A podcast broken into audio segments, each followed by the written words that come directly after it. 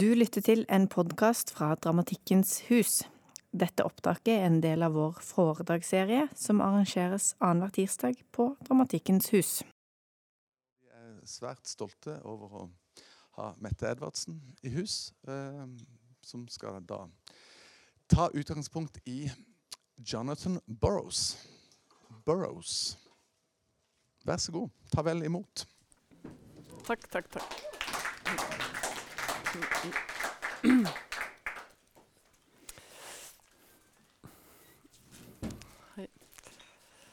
So I'm gonna immediately switch into English.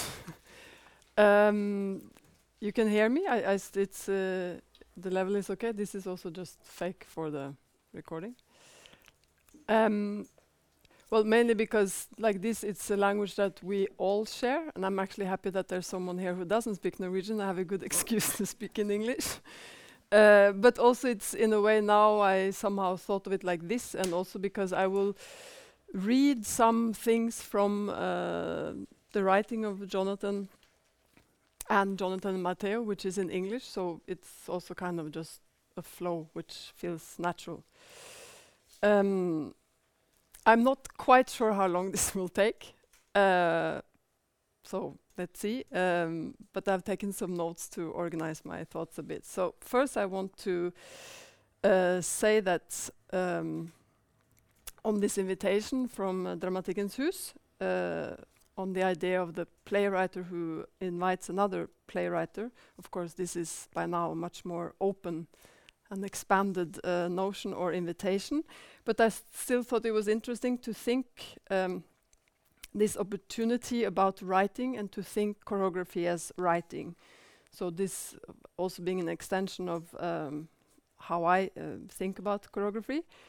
Um, and so then, yeah, to, to choose to think of a choreographer uh, as a writer instead of a playwright or a fiction writer or a poet. And then to add that in the beginning of the exchange that uh, I had with uh, Ole about this, I was also thinking it could be interesting to choose a performer. So in this case, to say the performer or the dancer as writer, as a way to think about the agency of the dancer in the writing, which is a question and a relationship to writing that I find uh, quite interesting. So uh, there was kind of this choice between uh, the two. So for this time, anyway, um, I will speak about choreographer, uh, but also one who is also the performer or the dancer in uh, all the works. And this I also think is quite important in relation to the kind of writing that this is, and also one that I um, feel well close to a writing that I have learned a lot from. I have also brought some things that I thought in this very little informal setup I would just lay out on the on the floor, but I don't know, maybe I'll just pass it and you can pass it around. So I want to say thank you for this invitation to Ole Johan and um, Mathilde. Uh, uh, that's well, it's been really uh, very uh, pleasurable to think about this invitation, what to do, and and to go into this work, to dive back into the body of this work, which I have loved and love, uh, and putting it into focus in this way, revisiting, putting things next to each other, and uh, see what this writing uh, is about, like of the works, but also through the different uh, works, and then how this appears. And this has also made me think about this format, how we in dance don't really speak about each other. Like in literature, there is a certain tradition of writers speaking and writing about other writers, even reviewing other writers. Um, I also had this experience when I was writing my application to KHiO for the research fellowship, when they asked me to give references of other artists, and I found that slightly confronting, or I could feel I was a bit resistant. Which, well, to my defense, I can also maybe argue that such a space, short space to write about what you want to do, it seems also strange to use so much um, time to speak about others. But nevertheless, uh, it kind of makes me think about uh, the the process of that, or the like how the use the useful part of that to be able to name and to speak with and about uh, each other. Uh, so not only, I mean, not necessarily in part of the works, but as part of the the overall work, and to continue this reflection together. So we don't work in isolation, obviously. Um, so this here will be just one attempt to bring up, show to you, share, rather than analyzing or trying to explain the work. Um, and then maybe we can speak some more, have some questions, or speak something after, which I'm not sure I will be able to uh, answer. But um, so I chose to speak about Jonathan Burrows, British choreographer, um, which probably many of you know. How many of you are from dance, actually? Consider yourself from the dance field or performance. Hmm, that's maybe. and theater? Okay. That's just interesting. So, one of the, the things, I mean, uh, obviously, the main reason why I chose Jonathan is because of the work, and then this is what I will tell you about. But also, he's still alive, he's still making works, and he is performing inside his work. And the works that I will refer to are all works I have seen myself live in different times, in different places, in different yeah, countries. And since uh, 1996, I mean, the work is from before, but for myself, since 1996. And uh, some of them I've also seen uh, several times. Now I want to show, uh, wait. So this is a very simple uh, kind of presentation format where I'm just going to click back and forth on some things. Uh, I want to show you just um, small excerpts. I will not do this so much, but uh, okay, wait.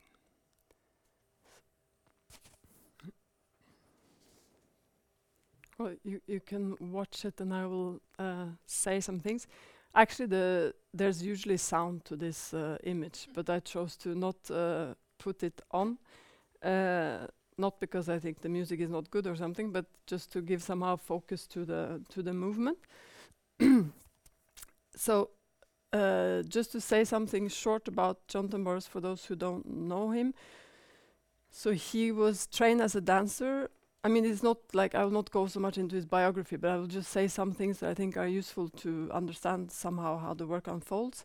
So he was trained as a ballet dancer, danced for the Royal Opera in London for 13 years, between 79 and 92, before pursuing his own uh, choreographies.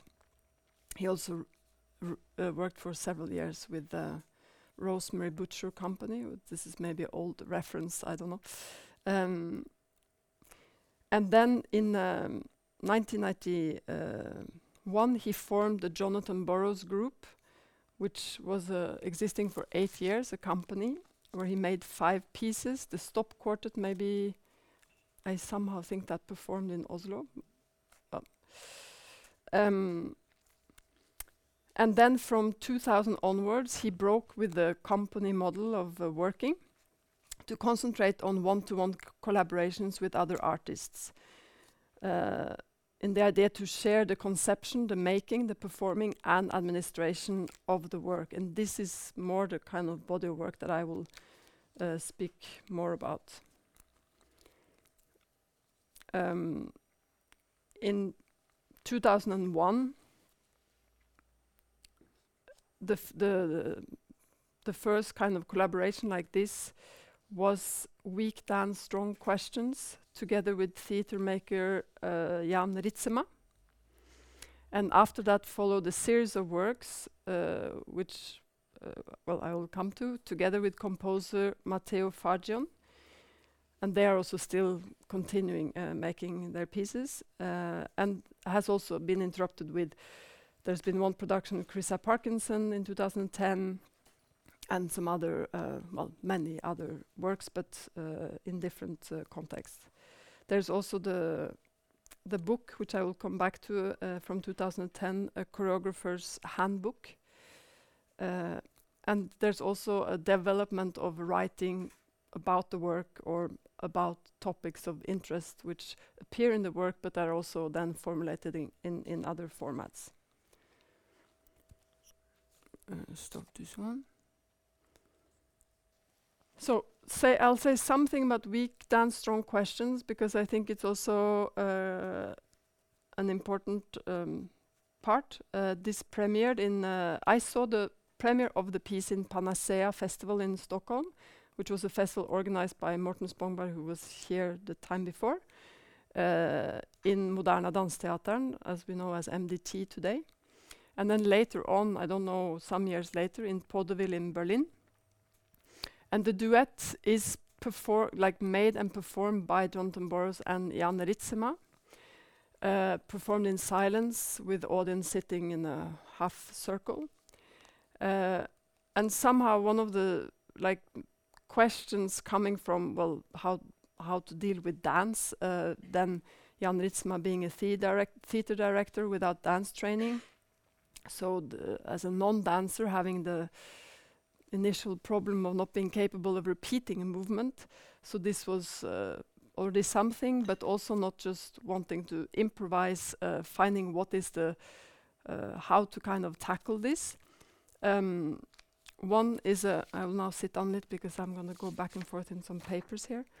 Um, one uh, moment was um, reading the poem part of Burnt Norton, which is uh, in um, four quartets by T.S. Eliot. I'll just read a small passage.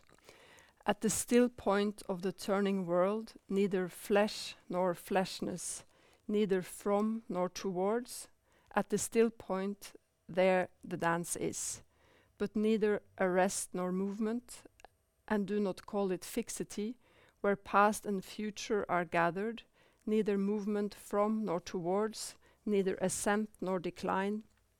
Except for the point, the still point, there would be no dance, and there is only the dance. Um, so there was this idea of the of the still point or the this space which is neither spatial or or uh, temporal, uh, but still, uh, yeah, this space in between. How to try and grasp this. Um, then the I will not go into detail about how the work developed, but the question of Jonathan Burrows towards uh, Jan Ritsema was, "Can you dance a question?" And this process then led to well, a process of questioning. And what uh, Burrows said later was uh, the question leads to such a short uh, time of thought that we were almost dealing with interruptions only. So these two contra, contra desires of to move and yet not to produce a move you can already think of before. So one of the the the main well features is this that they are dancing but trying not to repeat what they are doing. So you could say they're improvising but still that's the the process which is going on in the um, the thinking. So this idea of beginning and beginning again and again. Uh, so I've this is one of the texts that I will. I maybe I will just put them here and then later you can see which ones you want to this is a text, An Unfaithful Return to Poetics in Four Arguments by Bojana Stege, where she, uh, which is a recent text, but where she picks up on this uh, work again in relation to how text and language has kind of proliferated in, in mm, also in dance uh, practices and artistic practices uh, today. Um, mm, I want to just uh, read a couple of small passages from. There's a text th that has been published from um, the notebooks of Jonathan Burrows and Jan Ritsema from this process. So there's one and the other speaking. You can guess yourself who is who is who. But anyway, uh, one I will just read three small entries. One is in the beginning were Celan, Eliot, and Thomas poetry. There will be something later that fills itself with you and rises to a mouth. Out of the broken bits of my illusion, I stand up and look at my hand, how it draws the only possible circle. Then the next one. He says that I should not want to prove anything with the movement, that I just ask questions. But how can one ask a question by moving? This is impossible. Every movement is a statement. This is what I learned when I started dancing. And unlike speech, movements are never something else than they are, they do not pretend. So, how can I doubt about movement which can only be clear to me?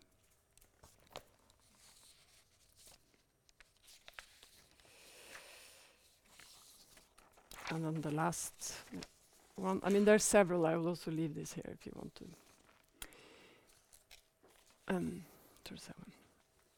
Usually, I'm not interested in what happens between departure and arrival.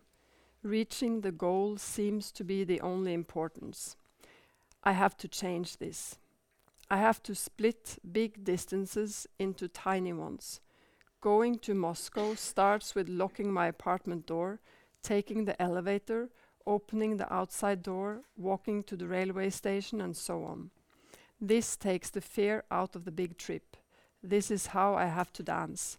From movement to movement, all the time, face every change. At first, only the bigger ones, then slowly on, going more into details.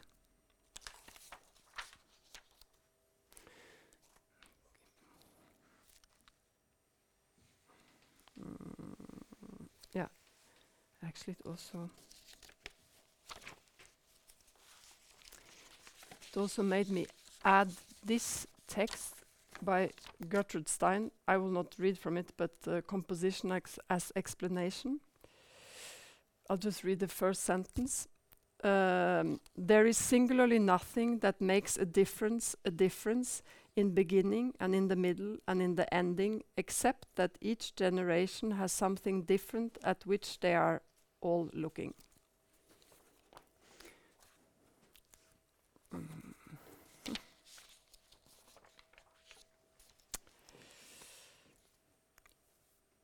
So this uh, piece, Weak Dance Strong Questions, was followed by what has become a series of works made together with Matteo Fargion, a composer.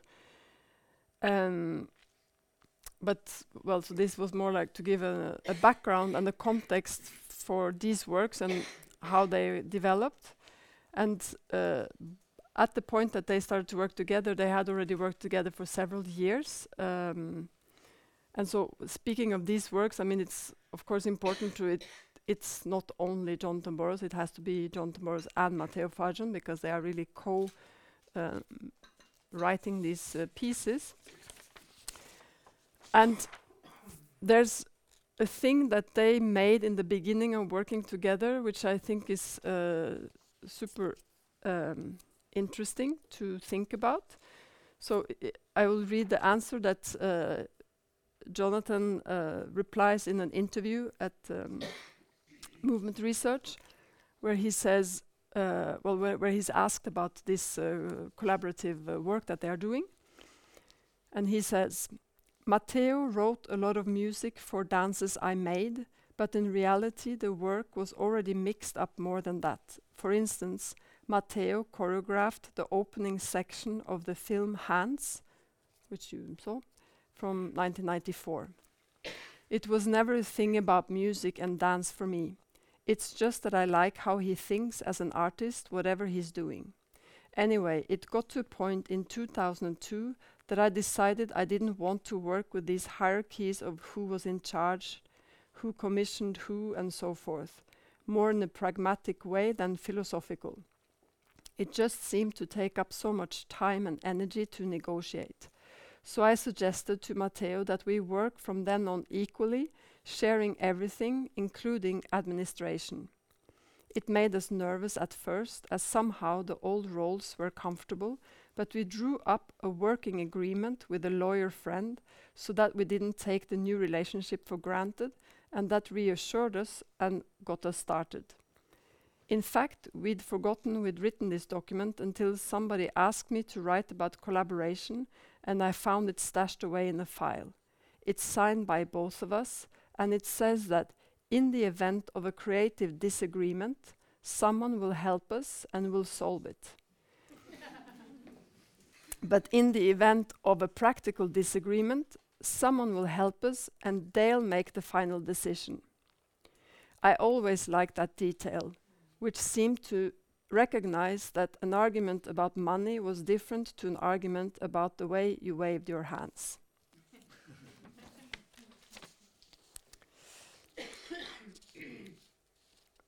um, yeah, so to add that the the writing of of these two very, I mean, very singular, even if uh, doubled. Um, so when I say writing, I mean, well, we would call it choreography. There's gestures, words, music, sometimes objects, but most of all, it's the fact that it's this writing in time and in space, which is uh, specific. Um, so we can think of the score. I mean, there's th the score kind of features a lot in their work, and I will also come back to that. But for me, I'm thinking the score more as a pretext for the writing, and I think I will also show some examples about uh, how I mean how, I think this uh, obviously shows. Um, so it's not about scores. Like if you think of dance notation, which is uh, well one history in itself, but also then music, which is uh, what uh, Matteo's uh, background is is from. So of course they are working with partitions. In some of the the pieces, they are also reading the partition while they are performing the the work. Um, but it's but it's still to say that the score is not the writing, or one could say these are different forms of writing.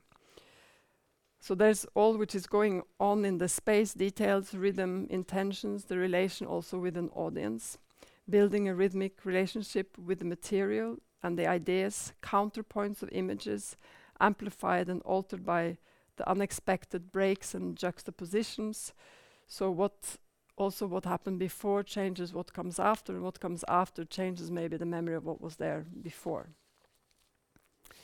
Um, then I noted that I will read. Um, I'll read another little um, passage because I think the writing is so clear and it gives another insight to the um, this is from an article called Reb um, Rebel Against Limit. I will also come back to it later. This is the end of it, uh, which is actually a talk that he has given. Um, our tendency is to want to call everything score. This is good if we recognize also that score is nothing. There is an amount of change without which the dancing or moving body seems only to be searching for itself, and it is to avoid this searching that one sometimes turns to a score or structure. Or perhaps it is to avoid this searching that one mostly avoids score or structures like the plague or buries them as deep. This talk is about what happens when the score fails, when the structure implodes, when the idea gets lost in its own dead ends, as all scores, structures, and ideas must, and then the limit is reached and the world expands. For this most immaterial and impermanent of art forms in an increasingly disposable global art market, no structure, score, improvisation, material, image, movement, or idea can ever matter enough to argue. In this most immaterial and impermanent of art forms, we begin and end with the image of a human being walking on stage to endure, resist, or confront an audience whose discomfort reveals something to us about our own uncertainty and bloody mindedness in the world. And that's enough for me, whether or not the piece has a beginning or an end, and regardless of whether the middle is structured or not. Where was I now? Um, yeah.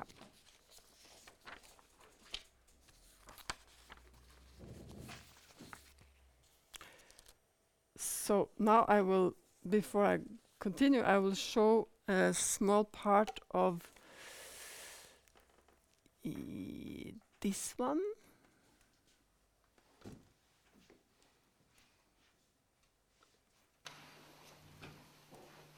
This has sound, right?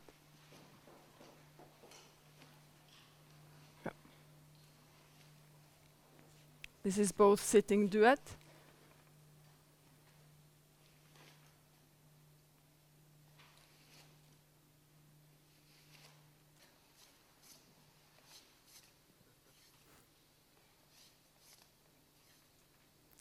Yeah, it's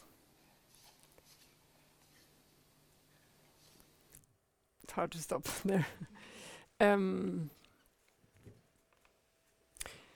there's actually I made some more. Uh, so this is Hans stop quartet. These previous pieces, both sitting duet. Um, actually, on there they have a quite um complete uh, website. Like most of the works, you find them on YouTube and they have the scores that you can uh, print uh, from their website where they yeah.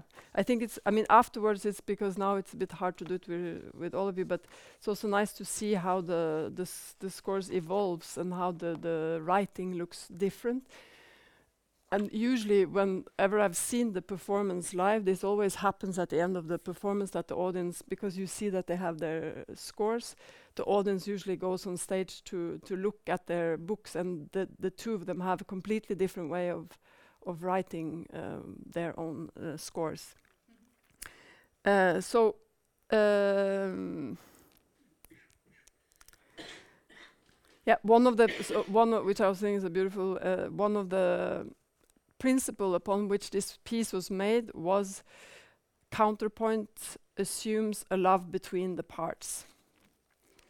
So this piece from 2002 was followed by two more pieces, uh, the quiet dance from 2005 and the speaking dance from 2006, uh, which became a trilogy.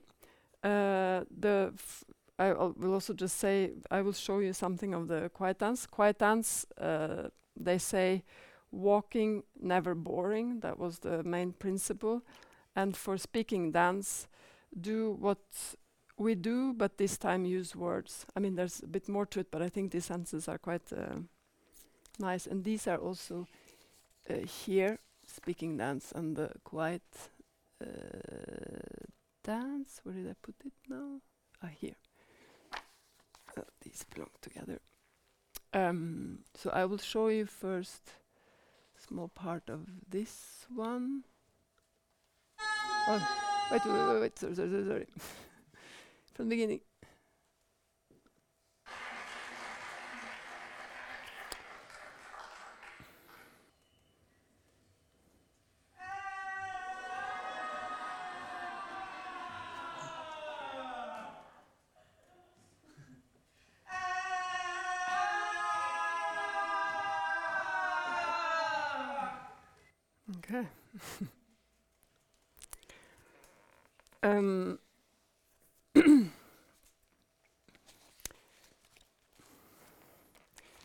So the um, I, I keep moving forwards. Uh, the end of the the interview, I, I read a small piece of uh, at the before the the end of it.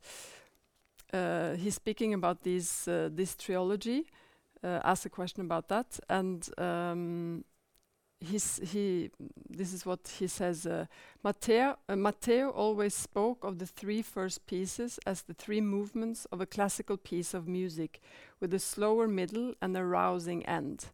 In a way, it was just a bit of marketing, and the more pieces we make, the more we perform them in various combinations, the more we see them as one continuing body of work.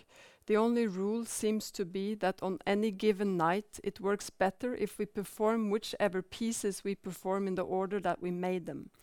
There is a kind of accumulative narrative which we should honor, however much we might question it. And this idea of an ongoing event is what makes it interesting to continue. What else might it be uh, possible to say or do? And this is um, so that I added here. Um, so perhaps something is beginning to trace itself in this uh, in this work that there's as the wor works are moving forward or accumulating, uh, as he says, there's a sense of continuity. Um, and this also brings this level of the writing. So, what is this writing on the micro level of all the pieces, but then also in the larger um, um, uh, perspective? Now I will read something I wrote. Where is it? Okay, I have to do like this.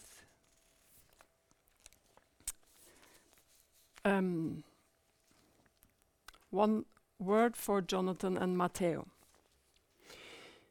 How can I write anything significant about, about these two wonderful people and artists I have for my whole life as an artist and performer admired and from whom I have learned just about everything that has ever been useful for me to know in making my own work and discovering how to work, and more than that, they have taught me about continuity, the most valuable lesson of all. For me, the work of these two carry with them the promise of practice, and what matters in the end is the time we pass doing what we are doing, and exactly this that we keep on doing it, which is so specific to our art form and to life, and yet sometimes it seems to me forgotten or ignored like time, this non renewable resource, and perhaps the only thing we can be certain of the passing of time, and that is a good thing. And conversations go on uninterruptedly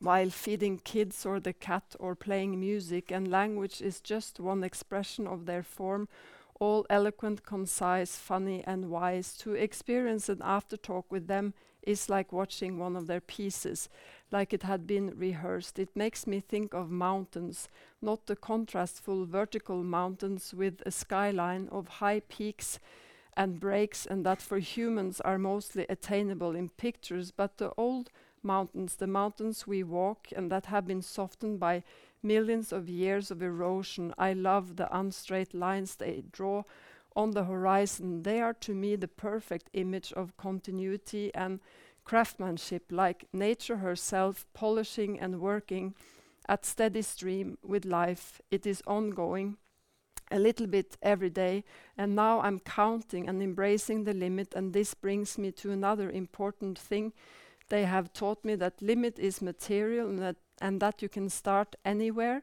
And I do not know if this was a good way to start, but I go on too. And anyway, how can I compress the amount of all the thoughts and words that would be needed to get the sense of detail, the wide range of reference, knowledge, experience, and skill they share together? I wish there existed one word long enough to contain all the things I would like to tell about these two, this word will have to be invented.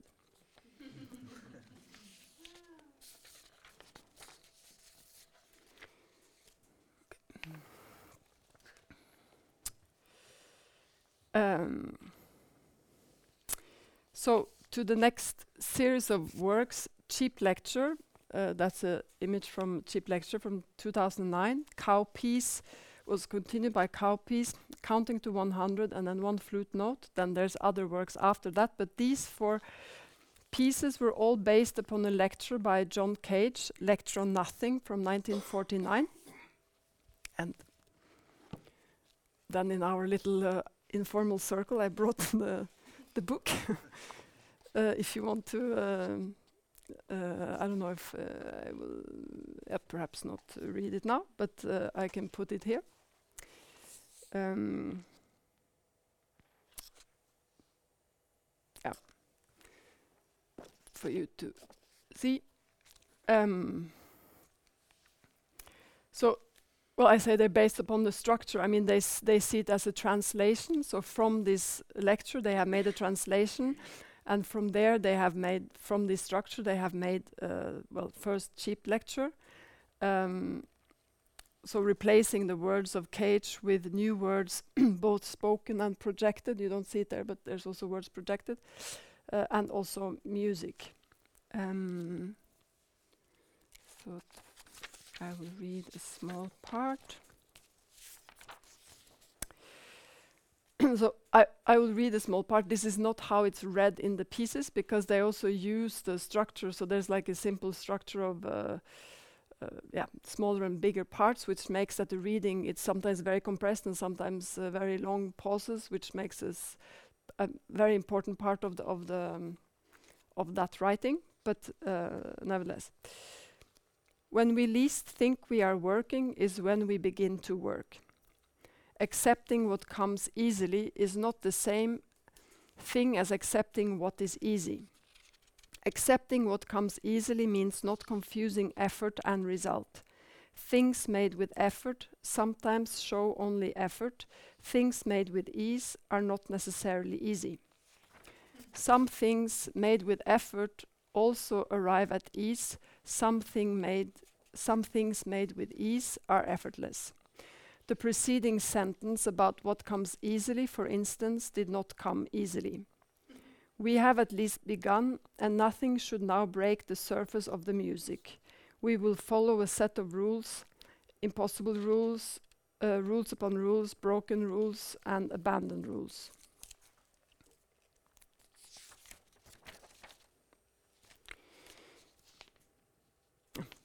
We will accept what might easily happen next.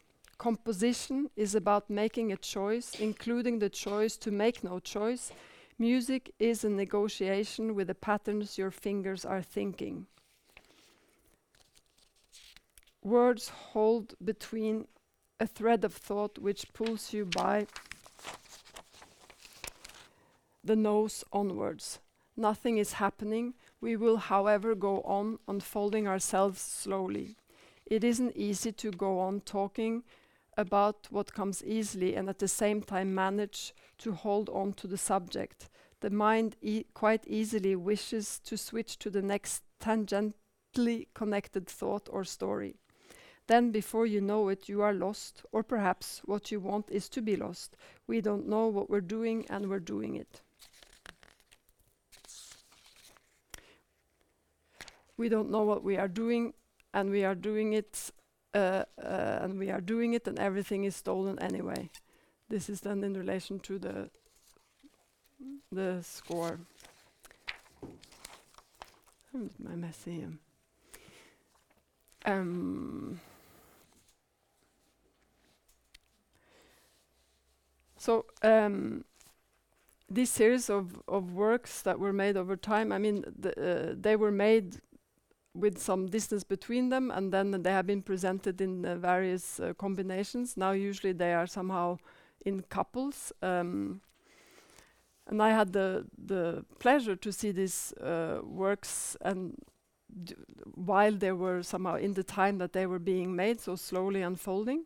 And uh, in 2012, when the premiere of One Flute Note, which is the fourth of these four uh, works, I also remember this very specific uh, witnessing or uh, or reading of this uh, work and what they said in the interview before this accumulative narrative over time.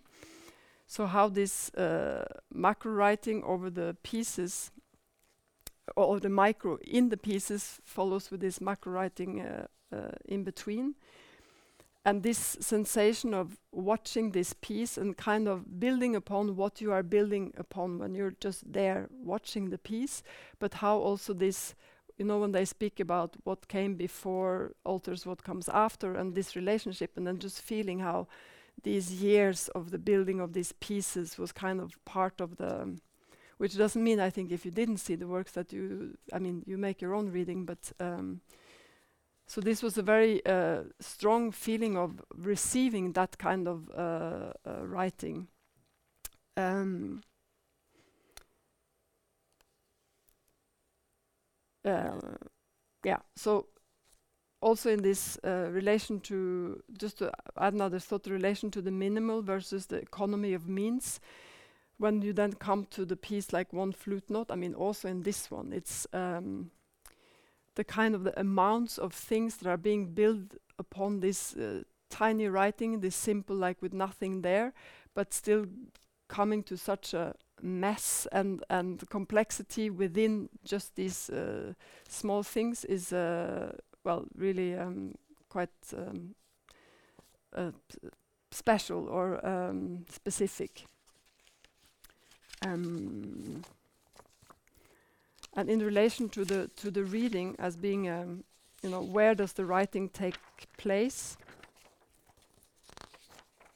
I also want to write two small more passages from this text, Rebel Against Limit, because I think that this is also in terms of, I mean, maybe something can speak more about later, but what is writing? So where does it take place? Um, so here comes the first. I must write always towards the meanings which will imminently reveal themselves through the gaps between one possible thread of unfolding connection and the next in which momentary emptiness I most myself and most lost. The decisions I make in each tiny void have repercussions for future possible events, but also for damage, subversion, derailing, flattening, or loss of what I have already made. Any decisions I'm any decision I make at this stage could affect the sense of what happened before, and my previous decisions have the capacity to transform what might happen in the future, between which my job, only job, is to notice in which way things are changing and what has been made manifest by that change. I'm wrestling with the traces of meanings I wished for but can no longer control.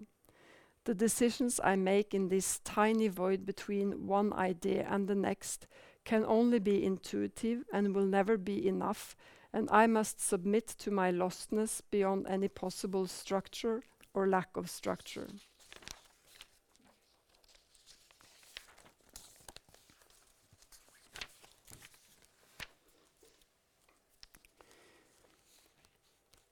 Sometimes you go to work in the morning and the score you're trying to grapple with seems like a deadening, deadening chore. You project your imagination ahead to the empty space not yet filled and wonder what could possibly be gained by filling it. And the more pleased you are with the little you've done so far, the less feasible it seems to go on. And it's impossible to tell whether the dramaturgy or logic has simply collapsed or whether your own view is so clouded by desire from what might happen that you can neither see nor believe in what is happening. Your patience for the job is exhausted, while your head bursts with frustration. And in response, you work too fast, too desperately, layering idea upon idea in a frantic attempt to solve the problem, and by the time you come grinding to a halt, you have no idea where you are, and at the same time realize you can never get back to where you were, even if you wanted to. It's in this place of disorientation that you catch sight, for a moment, of the way structure sometimes sustains, but also easily empties your piece of meaning, and how intuition, followed religiously, cannot necessarily save you you end up somehow stuck between the two, feeling slightly ashamed of your lack of faith in either, and yet it is perhaps in this place that the real work begins.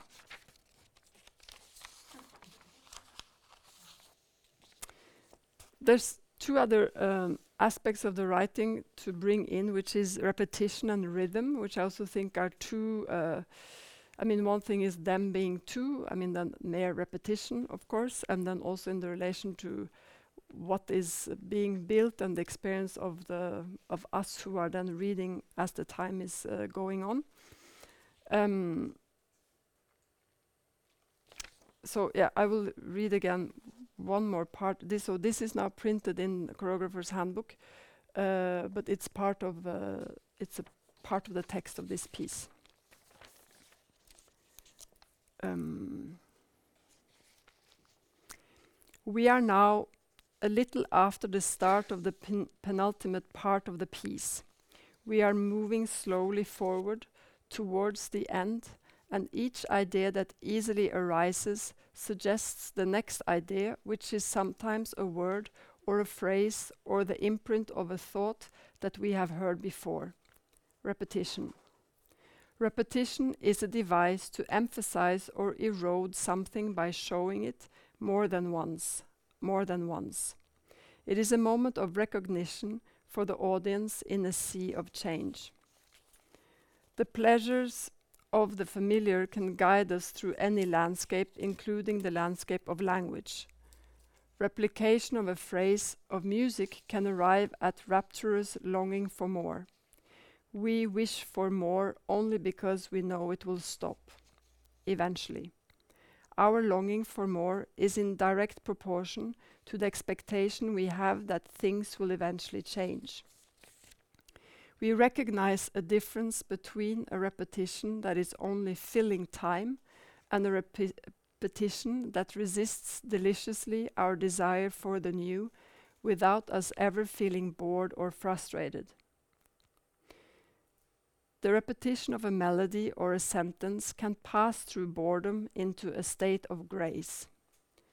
Movements looped solidify themselves into something that hovers between marching and flight.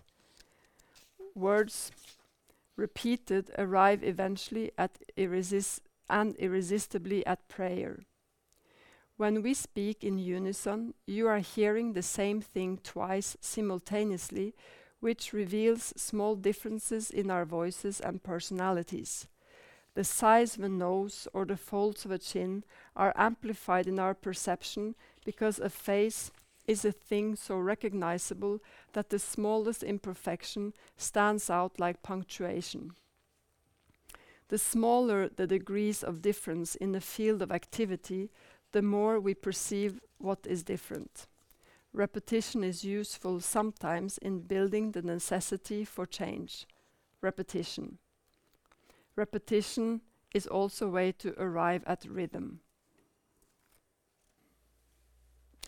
Yeah, so I think, well, this uh, was already mentioned now in this part of the text, um, which is also another phrase he says in the, the, the, the other text I was reading, uh, Rebel Against Limit, that dance is one place from which we can critique the gospel of the new, and memory is more radical than we thought. Actually, no, it's from the last text I'll read. Um, and I think this is something that I thought quite interesting in this last series of the four works, where they decide to use a structure, so take an existing structure, and which was not a structure, but they make it as a structure, and work from there, and then to make four pieces with the same structure. So as a kind of resistance to this, uh, you know, this pursuit of novelty that we're kind of, uh, you know, under the current regime we are uh, living, to somehow constantly renew yourself and come up with a new, but to somehow say it's the same like uh, he was referring to in an after talk once the idea of a sonnet like shakespeare wrote probably like 240 sonnets he didn't write one. So why is it that um, and i think this is a really interesting uh, thought like to to think about and also what does that mean? And this i think is very much in relation to then writing. So for me uh, kind of maybe the difference uh, to say uh, the craftsmanship of the writing and then the storytelling. I mean, I mean my understanding of storytelling. Maybe not the storytelling like back in the days of of repeating it, but more the kind of the narrative, uh, graphic part of of uh, that. Um, so I find this liberating in the sense to say instead of going on and just dispose of what was there, but to somehow continue and go on and on inside of the thing to do it again and, and again. Yeah, maybe just to bring in one last uh, other element of this writing, uh, which was already revealed a bit, I guess, was the relation to the dance, the body to memory. So both through those on stage and those in the audience, like bodies. Um, and I will read a little bit more from this text and then uh, end with this another mm, thing.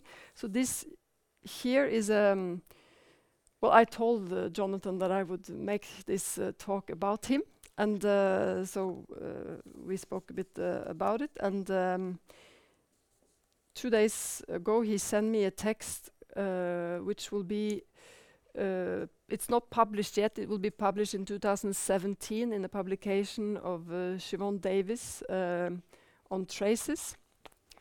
So he thought maybe this is uh, useful for you. So and uh, I thought this text is really going into dance at the core, but there's some um, aspects of it. I will first read them and then I try to say something about it. Um, dance has passed rapidly from limited techniques to a workshop culture of Baroque excess. We're overwhelmed by physical information. And at some point in this expansion, we began to speak of body as archive when it finally got recognized how we carry our library with us and what a mess the library turned out to be. um, yeah, and then says, and I'm trying to notice what my archive is throwing up, and it's like shining a torch into fog. And I came away with one thought, and that this thing where I lift up my arm belongs to Dennis Greenwood, and it always has. Every time I do it, it's his. But if you do it, it's something else and someone else's. And if you watch me do it, you neither know nor care whose it is. It's just another familiar movement. And I skip a bit. Um, um, yeah, I let the Dennis Greenwood arm in, and I don't know why, but the rest I tend to avoid. I let in the arm that belongs to Dennis, but mostly I dance in the gaps between. And the wilderness has a taste, and you can taste it when you watch it and eventually a bit of wilderness gets tamed. So I start taking another path around about that area, and my avoidance has a taste. And I chose the word taste to describe the sensory quality of a movement because I don't have another word for it, but it's the wrong word. My little system there. It's very revealing. uh, and the last part of uh, this text. I lay on the bed just now and thought myself a ballet without moving, and the synapses fired, and it was clear as day, though I haven't crossed the floor jumping for a long while. And many dancers will recognize the way a sequence disappears until the other people who do it are there doing it with you. Or the way a sequence disappears and then reappears intact the moment the performance starts. And a lot of people I've met quite like slow learning, how an anchor forms and you feel momentarily held, but in a good way, until the pattern passes back into the mess of other patterns. And drunk dancing at a wedding is unstable but collective, and the illogic of it is encoded somewhere. And you can't commodify dance, but its instability outwits the market, and it wobbles its way sideways to somewhere else, equally tenuous and resistant and hard to market and generous and collective, which is not to invite complacency, but to remember what it is, this immateriality, which feels at the same time quite material to me. It just depends how you look at it. And it represents something beyond all this monetization, which is maybe why everyone wants a bit of what we've got.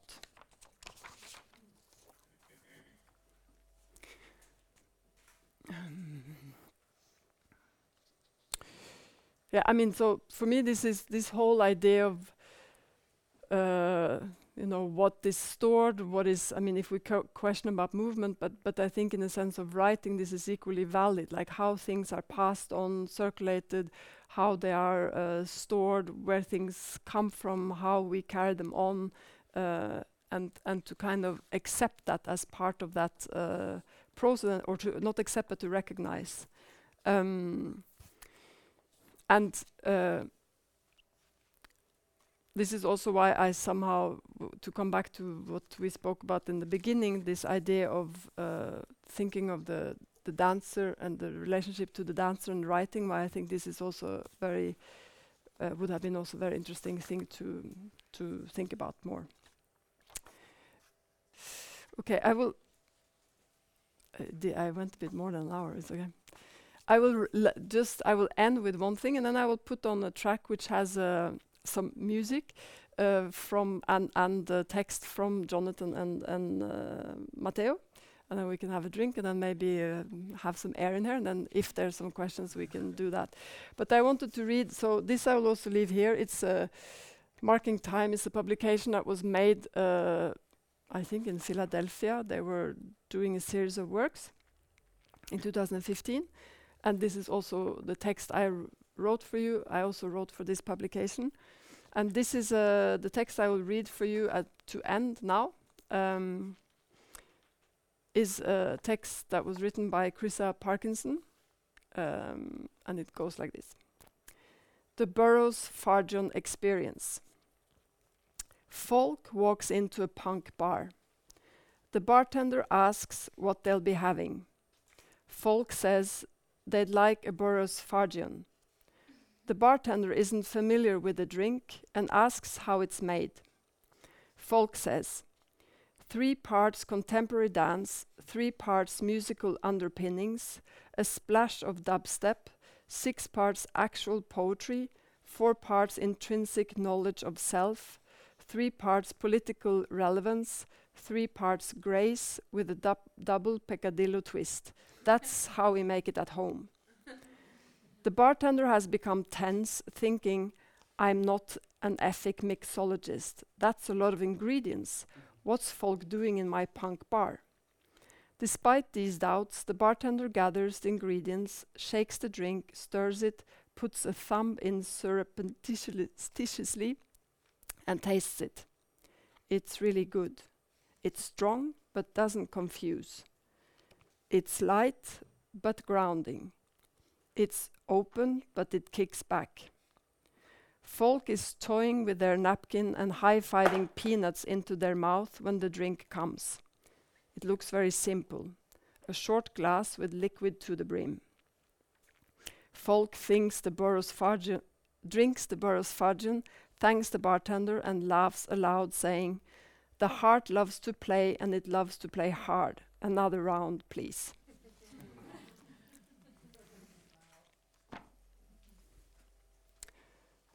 I mean, there was a bit about uh, that I've kind of uh, forgot in my organized uh, notes here, um, which is about, I mean, the political, I mean, what I touched a bit upon this with the new and somehow, but also the economy of means and to think of what does it mean in these uh, times of austerity, which is not so uh, much felt in Oslo than uh, in London, I think uh, can kind of say.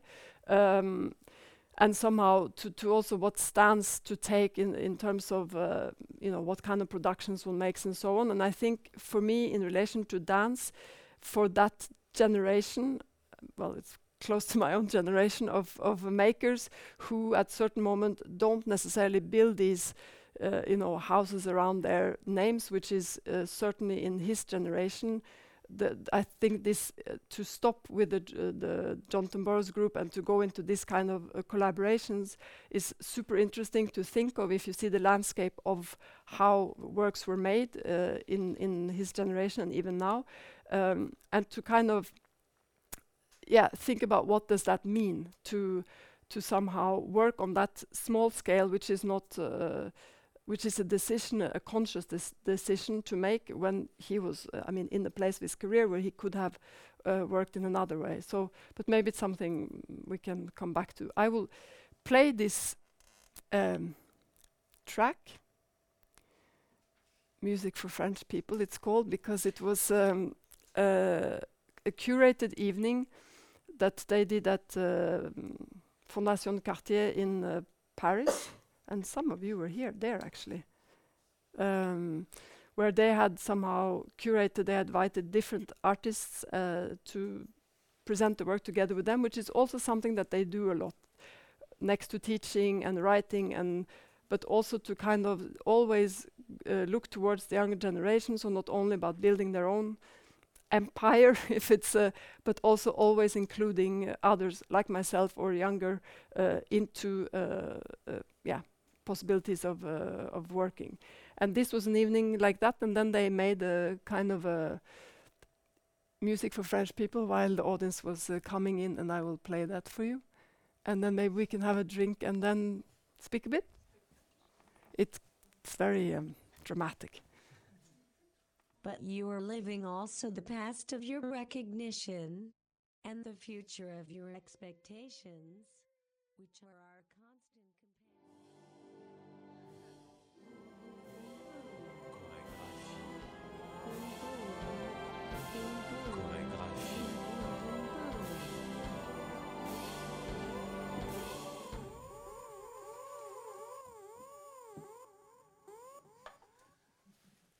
Okay, that's it. Thank you.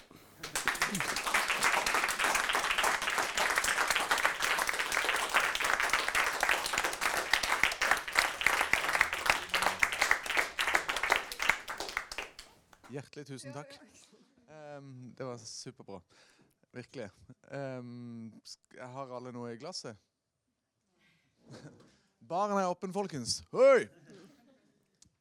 Vi, ikke, vi tar ikke så veldig lang pause. Vi bare um, fyller, fyller opp nå, og så prater vi litt. OK, aner vi, aner vi en slags uh, spørre... eh, Nei, nei, nei, nei, unnskyld. There's a really great um, thing you can get into your on your email. Fifty-two portraits. So every week of the year, he and Matteo have choreographed or programmed artists to come, and there's like a three-minute dance on your or two-minute, one-minute that you get on your email.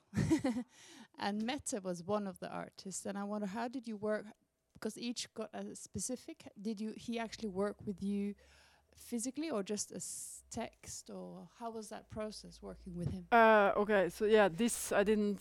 Uh, th- they have made works after this, as that's just how far I spoke about it. But this is a project that runs. So 52 portraits is every uh, week, a year for the whole year, and every Monday it comes out, and then basically they we meet, and then it's uh, uh, Matteo, Jonathan, and uh, Hugo, the the filmmaker. So it's really the three of them together that makes it. And Matteo is not there for the recording. It's uh, Jonathan, the filmmaker. So first he makes an interview where he asks some questions, writes down some things, which will be the basis of the song that uh, Matteo then composes for the film afterwards. And then, uh, which is then either sung by him or his daughter, uh, and then music.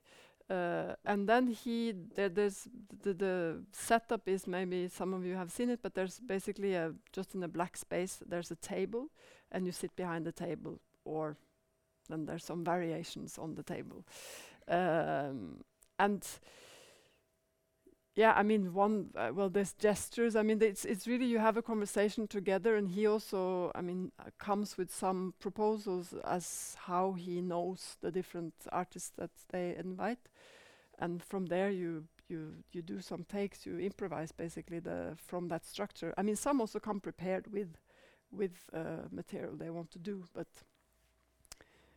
yeah, in my case uh, th- there was not so much um, i was not doing so much if you but uh, that i mean that's also yeah different for each one how um, he proposes this and then matteo has then the job afterwards once the editing is made he receives that film and he has to try and compose to it.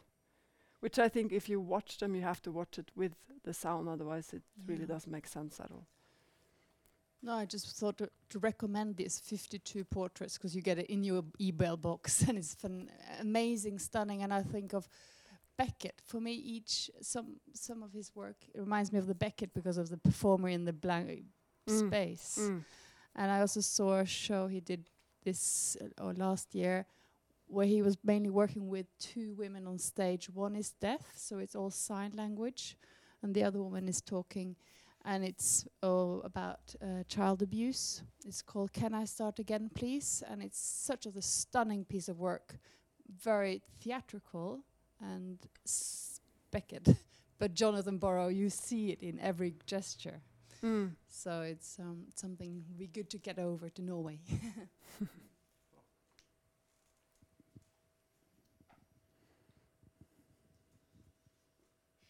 Yeah. I mean, I think it's like this. The writing is. I mean, we we recognize where these places where it takes place, like in between. Yeah, the, in the material or in the relation with the audience, and where this is. Um, um, yeah, where it's uh, happening, and yeah, I don't know if there's so much to add than to visit their work. Kan ikke du si takk for du har mikrofonen, Mathilde? Tusen takk for i dag. Thank you for today. Og vel hjem. Thank you.